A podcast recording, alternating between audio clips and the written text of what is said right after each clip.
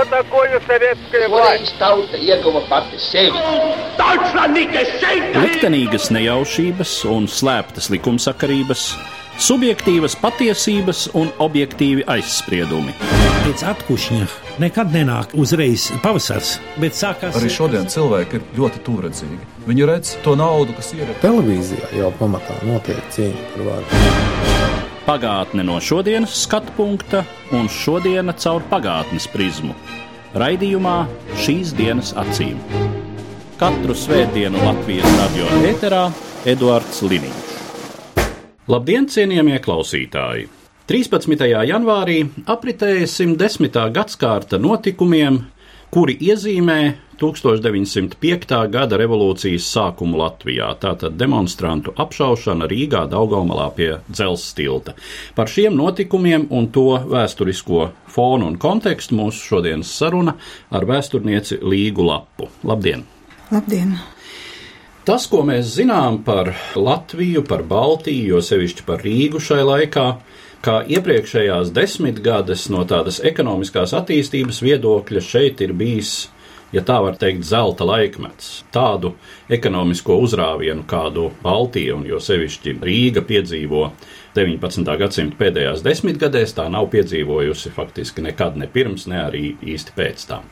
Uz šīs ekonomiskās izaugsmes fona, kur tad rodas degmateriāls revolūcijai, kur ir neapmierinātības iemesli. Baltija, Krievija 19.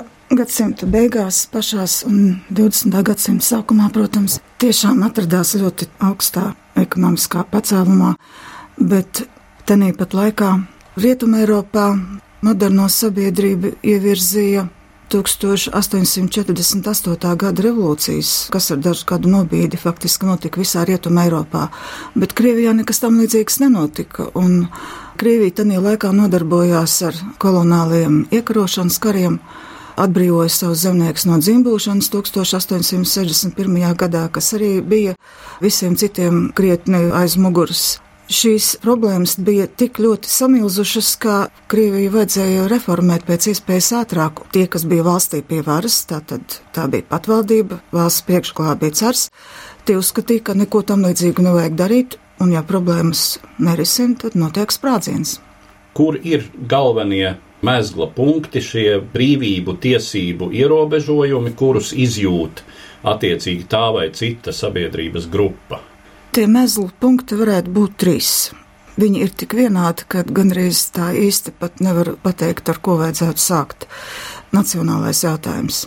19. gadsimta pēdējā ceturksnī Krievija atjēdzās, ka ir tik daudz teritorijas pievienots, ka Krievi šajā milzīgajā valstī ir kļuvuši mazākumā. Un līdz ar to sākās milzīga pārkrievošanās politika, kā jau viss Krievijas impērijā, tā rupji. Un šīs pārkrievošanas politikas rezultātā valstī tika pasludināta krievu valoda kā valsts valoda. Tas nozīmē, ka visa administratīvā saraksta un iestāžu valsts valoda bija tikai krievu valoda, kas arī skāra pagastu pašvaldības. Pašās 19. gadsimta beigās jau pirmācības skolās valoda bija krievu. Un tie, kas arī starpbrīdī iedrošinājās runāt latviešu valodā, tad nu, viņi tika tur ar kaut ko apzīmēti un saņēma kaut kādu sodu. Tas bija viens no tādiem revolūcijas pamatjautājumiem.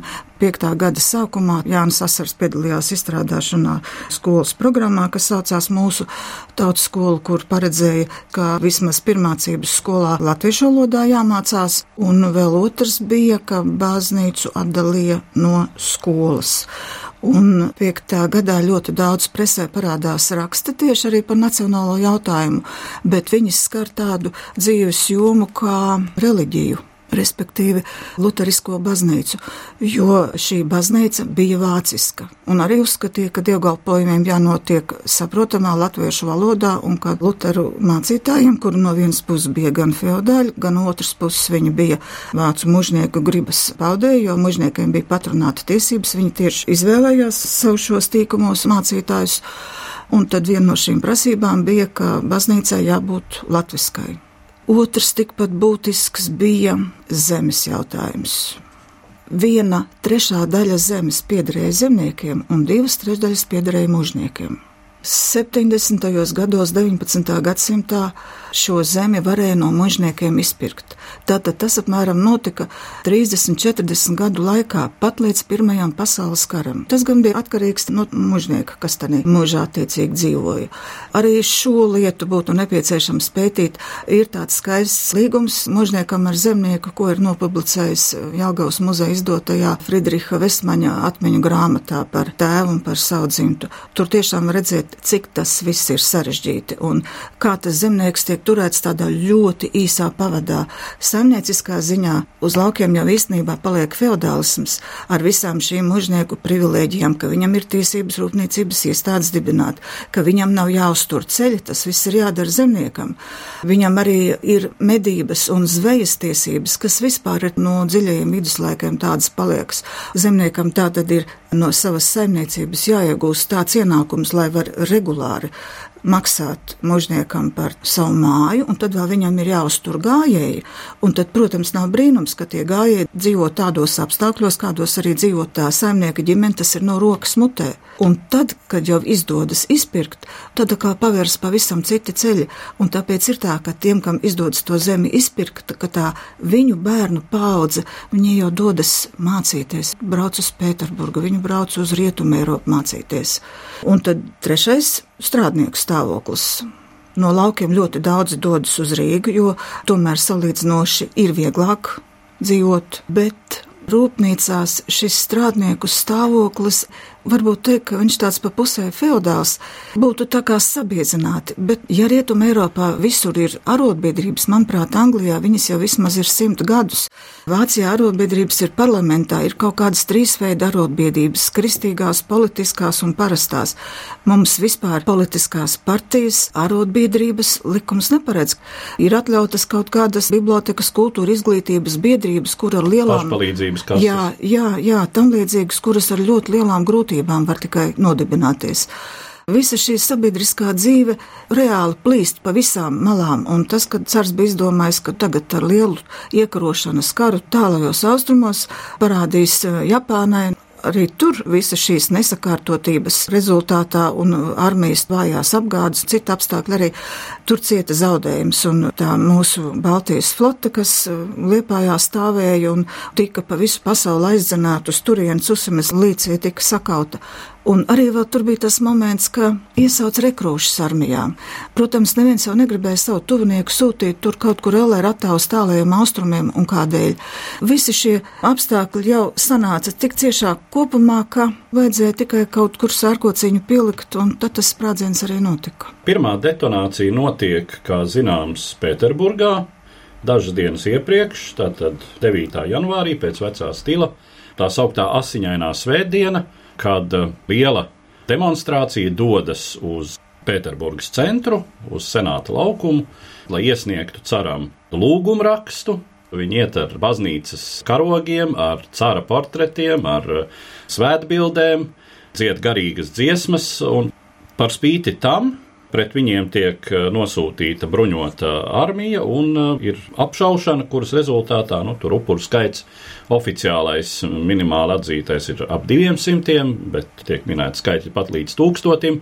Tie motīvi ir arī tādi, ka iespējams tā ir zināmā mērā tāda provokācija, jo viens no galvenajiem organizētājiem, arī vēsturē zinām persona Gapons, kura organizācija, kā zināms, finansē cara slepenu policiju un ka iespējams tā ir bijusi mērķtiecīgi organizēta iebiedēšanas, asiņu nolaišanas akcija. Gapāna personība vispār ir diezgan interesanta. Viņš ir no Ukrainas, atbraucis uz Pēterburgu, un viņš ir viens no tās kustības dalībniekiem, kas iet strādnieku masās un cenšas izglītot. Protams, viņam palīdz reliģija.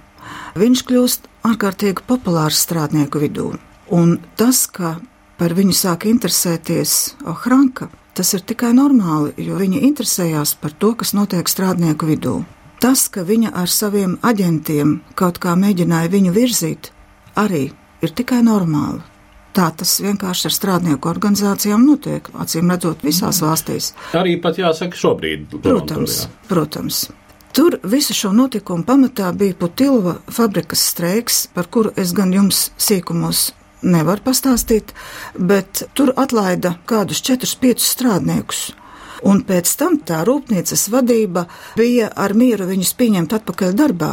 Bet tad jau tie strādnieki bija tik tālu, es teikšu, žargonā sašūmējušies, ka viņi prasīja tādas prasības, ko vadība vairāk nevarēja izpildīt. Viņa pieprasīja, lai turpmāk visa strādnieku atlaišana un pieņemšana darbā notiek tikai ar strādnieku padomes piedalīšanos. Protams, ka nevienam uzņēmuma vadība uz to nepiekritīs. Un tad šī kustība aizgāja tālāk, bet no otras puses tas viss bija tik tā nobriedis, ka vajadzēja kaut kādu iegānstu, lai tas sāktos. Gapāna doma, ka viņi ar miermīlīgu gājienu dosies pie cara. Īsnībā jau tur nekā tāda slikta nebija. Valsts galva ir cars, ja kaut ko grib panākt, ir tieši jāiet pie viņa. Tās prasības, kas tur izstrādātas, tika, tur it kā arī nav nekā slikta. To, ka viņi dosies pie tā cara, to, protams, zināja visa Pēterburga. Bet tagad no otras puses. Cars Nikolais pat brīžam ar ģimeni dzīvo Carskais selo, lai nodrošinātu, jo tie mēģinājumi viņam uzbrukt tika nepārtraukti tur veidot. Un iepriekš bija tāda situācija, ka dažas dienas pirms tam Pēterburgā notika reliģiski svētki, un tajā sakarā Gaums kopā ar caru kā parasti devās uz ņevas upi, kur bija uzcelta telts. Metropolīts nosvētīja ūdeni, tur bija vairāki lielgabalu šāvieni, pēc pēdējā ūdens bija nosvētīts, un tad visi tika svētīti ar šo svēto ņevas ūdeni, un tad devās savās gaitās, un tad nāca visi Pēterburgas pilsoņi, kas smēla no šī svētā āliņa ūdeni, un turpmākā gada gaitā to uzskatīja par svētu, un sevi mēģināja ar to dziedēt. Un tad nu bija tā, ka viens no karavīriem, kas turēja karogu, pēkšņi nokrita, un viņa seja pārplūda ar asinīm pēc vienas no lielgabala zālēm. Tanī brīdī visi diezgan lielā apjukumā šo ceremoniju turpināja, bet tad, kad tā beidzās, sākās izmeklēšana un atklājās, ka viens no šiem lielgabaliem ir izšāvis mācību lādiņu jo bija jāšauj pavisam ar tukšu, bet iepriekšējā dienā bija notikušas mācības. Un šī komanda, kas nāca to zalvi darīt, viņu komandēja cilvēks, kas nebija ar to iepriekš nodarbojies, jo visi pārējie virsnieki bija vienkārši sākuši svinēt. Tātad šī lieta nebija pārbaudīta, un tas šāviņš trāpīja arī ziemas pili. Ziemas pilī bija pāris logi izsista, tur bija caurumi, Un vēl tāda sagadīšanās, ka vismaz kā vēstures avoti stāsta, ka šo zaldātu, kas tur tika ievainots pierē, viņu sauc Nikolais Romanovs, lai cik dīvaini nebūtu. Nu, viņš izveseļojās, cars viņam naudiņu iedeva. Protams, bija liela izmeklēšana, bija tiesa, tiesā ierindnieks, cars pēc tam viņus apžēloja kā Krievijā gadās. Nu, lūk, šis notikums vēl bija pa priekšu, un pēdējā brīdī visi izdomāja, ka tomēr būtu liederīgāk, ja cars atrastos nevis ziemas pilī, bet carskais salā, jo varētu būt, ka pūlī tomēr būtu cilvēki ar ieročiem, kas, protams, nebija izslēgts. To pūli nevarēja apturēt, jo tas bija ļoti liels, no aizmugures spiedās virsū, un tās komandas, ko tur priekšā deva reāli, viņi nevarēja izpildīt, un tad sākās tā apšaušana. Tā reakcija Rīgā ir nu, faktiski ļoti ātra. 9. notiek demonstrācija un apšaušana Pēterburgā. 13. janvārī jau Rīgā ir vispārējais streiks un notiek arī strādnieku pulcēšanās, bet cik var saprast, tad pulcēšanās pati nav paredzēta Rīgas centrā. Tā ir jau notikusi mītiņš, no kura tad vienkārši šie strādnieki nāk atpakaļ centra virzienā gar Daugaumalu, un tad šeit pie dzelzceļa tilta viņus arī sagaida bruņoti karavīri, tātad ar nolūku aizturēt, ar nolūku nelaist tuvāk pašam pilsētas centram, attiecīgi gubernatoru pilī. Un uh, arī Rīgā ir šis jautājums, kas tad īsti notiek, kāpēc karavīri sāk šaut. Ir lasītas versijas par to, ka pirmais šāviens ir izskanējis no pūļa, un kāds karavīrs ir ticis ievainots. Cita versija, ka ir mesti akmeņi vai viens akmens, kā piemēram Antons Austriņš raksta savā garajā jūdzē. Rakstnieks Antons Austriņš, kurš arī ir šajā demonstrācijā un tiek, starp citu, ievainots. Kas ir zināms par to, kas tad notiek Rīgā? Prese ziņo kaut ko par to, kas ir noticis galvaspilsētā. Pēc tam, jā, bet ļoti maz. Ziņas par to nonāk telegrammas veidā guberņas vadībai, bet 4. janvārī gubernators Mihāls Paškovs aizbrauc atvaļinājumā 28 dienu. Viņš tieši pirms devītā tiekas ar caru. Un tad viņš dzīvo Pēterburgā, guberņas vadība ir viņa vietnieka, tātad vicegubernatora Ņekļudava rokās. Uz Rīgu atnāk telegramma, ko pārtver sociāldemokrāti Augusts Sukuts un Jākaps Treimanis. Un naktī uz 12. janvāri notiek LSDSP Rīgas komitejas sēde, kurā tiek nolemts, ka sāksies Rīgā vispārējais streiks Un vispārējais streiks īstenībā tajā laikā diezgan vienlaicīgi sākas arī visā Krievijā sakarā ar šiem notikumiem. Un tad Rīgā nākošā dienā, tas ir 12. janvārī, sākas ļoti liels un plašs streiks, kam, protams, guberņas vadība ir pilnīgi nesagatavota, tāpat arī rūpnīca un fabriku administrācija nav sagatavota. Viņi vienkārši nesaprot sākumā, par ko iet runa bet tur sākas mītiņa, un šajā dienā, 12. janvārī, jau streiko vismaz lielākie rūpniecības uzņēmumi, un nav īsti skaidrs, kad streiks beigsies. Arī tajā 12. janvārī ir vairākās vietās tādas pašaudīšanās.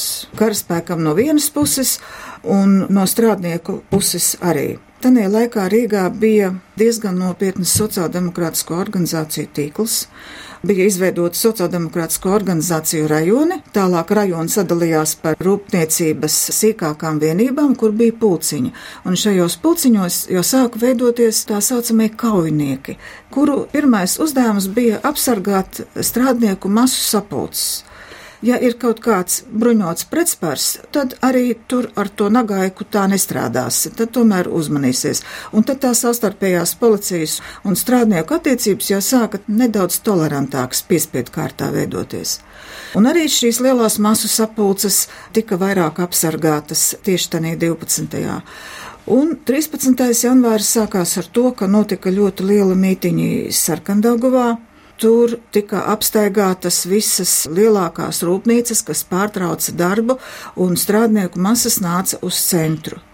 Tāda paša mītiņa notika Ilģu ciemā. No Ilģu ciema strādnieki aizgāja uz tagadējo Stradiņas slimnīcas teritoriju, kur Lēģeru laukumā notika mītiņi. Tad turienes fabrikas apturēja darbu, un tad viņi atnāca līdz Daugomalai, bet tur stāvēja zaldātu ķēdi priekšā, un viņi pa pontonu tiltu netika pāri.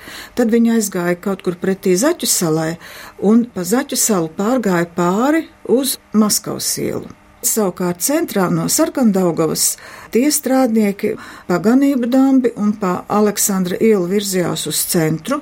Tad bija sadursme Kaplāna kartonāžas fabrikā, kur no abām pusēm pašaudījās. Tas ir pie stūrmājas netālu.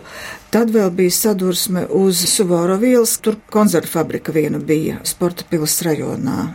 Tur pašaudījās un tad nāca uz centru un diezgan agresīvi izgāja cauri vecrīgai, jo tur strādāja tipogrāfijas. Var sakot, viņu uzdevums bija apturēt gan veikalus, gan jebko, kas ar kaut ko nodarbojās.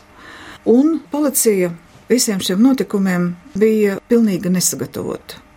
Nebija ne policijas papildspēku, nebija ne karavīru, kas piedalītos kārtības ieviešanā un tāpēc tika saukta palīgā karaspēka daļa, kas bija dislocēta Rīgā. Faktiski to nevar saukt par karaspēka daļu, bet tā bija mācību iestāde.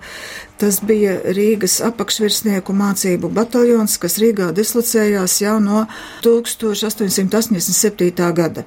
Tur bija tādi vispār izglītošie priekšmeti un arī, protams, speciālē, un tad viņi ieguva jaunāko apakšvirsnieku dienestu pakāpi.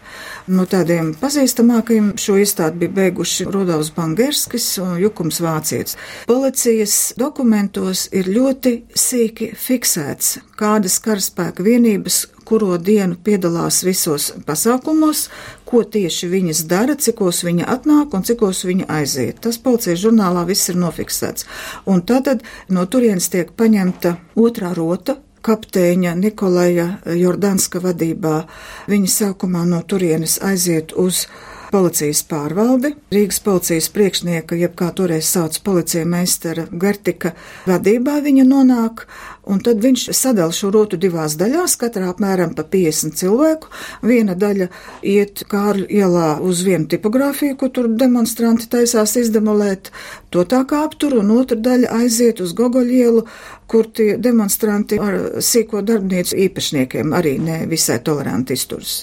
Tur visu aptur, un tad viņi aiziet uz pilsētas policijas pārvaldu un vienkārši gaida tos nākošos rīkojumus. Visi demonstranti, tie, kas ir atnākuši no Aleksandra ielas un tie, kas no Sarkandāgos, viņi satiekas Dāgomalā, tirgus teritorijā un iet tālāk pa Maskavas ielu, jo ir ziņa, ka nestreiko Kuzņecavu porcelāna fabrika. Tā bija tāda īpaša vieta, tur ļoti daudz vecticībnieku strādāja un liela reliģiska organizācija ietekme. Tagad visi dosies uz turieni, un pa ceļam viņi sastapās ar to pārdaugavas kolonu, kas pārnāca pār no Zaķu salas. Visi lielā sajūsma aizgāja uz turieni, apturēja fabriku, uztaisīja garu plašu mītiņu, izrunājās no sirds, Un tad nāca viss atpakaļ. Un tad nu vēl to pa Maskavas ielu, kas nu bija uzdrošinājies sākt atkal darbu, jo, protams, sīko darbnīcu gan īpašnieki, gan strādnieki tie aizgāja, nu tad strādās tālāk, nu reāli kā dzīvē mēdz būt. Un tad tas jau bija dienas otrajā pusē, kaut kur pēc četriem. Tas pūlis, kuriem darbā daļai bija jābūt sešos, septiņos, nu viņi vienkārši ir noguruši, reāli noguruši, visu dienu staigājuši, bez pusdienām visticamāk. Viņi visi dodas uz pilsētu atpakaļ atpakaļ, lai dotos uz savām mājām. Vai nu džutas fabrikas rajonā, vai nu sarkandaugovā, vai īļu ciemā, bet viņiem ir jāiet caur centru, viņiem jau cita ceļa nav. Kā tāds katalizators ir tas, ka viņi mēģina Maskavas ielā ieņemt pilsētas ūdens apgādes iestādi, apturēt ūdens apgādi pilsētā, un to aizsargā vien pieci zaldātiņi un pāris policistu. Viņi tiek atspiesti atpakaļ, bet viņi saka, ka viņi tiešām šaus, tad viņus atstāja un tas pūls dodas tālāk. Bet tad pirmā Maskavas daļas policijas iecirkņa Pristava Rosmaņa izmisīgais zvans uz centru, ka nāk milzīgas ļaužu masas, kuras nav vadāmas, kuras diezgan agresīvi izturās, lai viņi zina, ar ko viņi tālāk var rēķināties.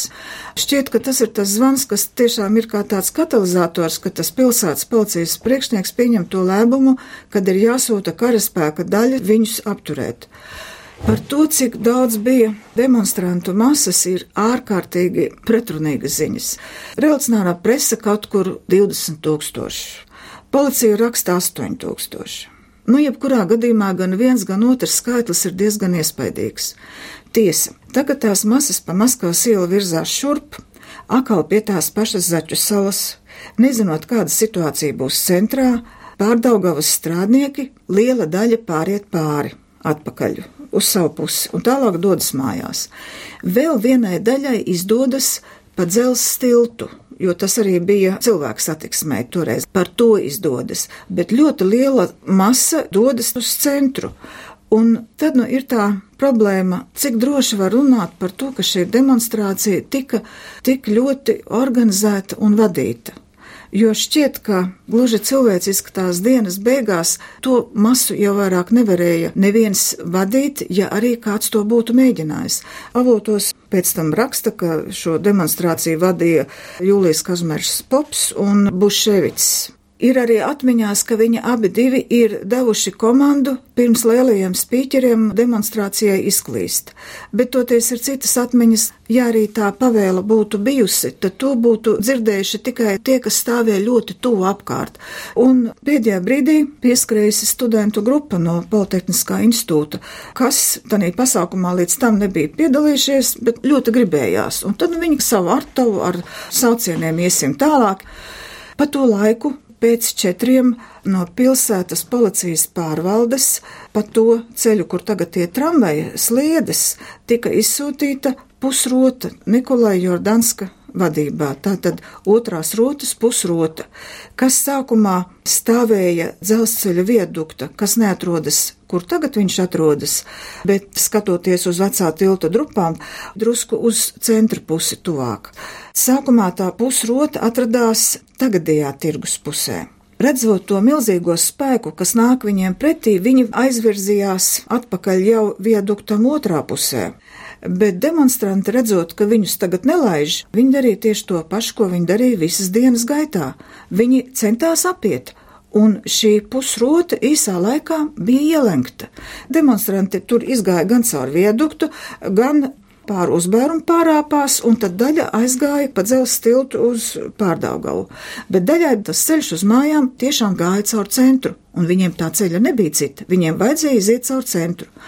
Nikolais Jordanskis ar savu pusrotu tur neatradās minūtes piecas. Tas bija krietni ilgāk, jo viņi tiešām centās to pūli aizturēt, bet viņu spēku bija niecīgi salīdzinot ar visu to, kas no aizmugures ar vien vairāk uz priekšu spiedās, un tad tur vēl atmiņas, kad cilvēki daudz tika saspiesti, jo no aizmugures vienkārši nezināja, kas priekšā notiek un kāpēc tad nedrīkst vairāk iet uz priekšu. Tas laiks bija tik daudz, ka viņš paguva vienu no policistiem aizsūtīt uz pilsētas policiju policijas pārvalde pēc papildspēkiem. Papildspēki bija tikai tās otrās rotas otra pusīte kas tika atsaukta no turienes, viņa gāja pa Kārļa ielu līdz kungielai, tur viņa sastapa nākošo policistu, kas brēca, ka tur vairāk nevar iet, tur jau pūlis ir izlauzies, lai viņa mēģina aizskrien priekšā tālākā tirgus teritorijā. Tad viņi pa kunga ielu ieskrēja iekšā pilsētā un par nākošo ielu, kas iziet perpendikulāri Daugavai, izgāja uz krastmalu. Pēdējā brīdī pūlim priekšā. Un kas tam bija izlauzies cauri, un tagad ierauga priekšā karavīrus, protams, ka viņi visi bija nikni par nākošo šķērsla. Un tad šī pūļa izturēšanās pret šo otro pusrotu, ko komandēja Piotrs Edamskis, Tā bija gan agresīva.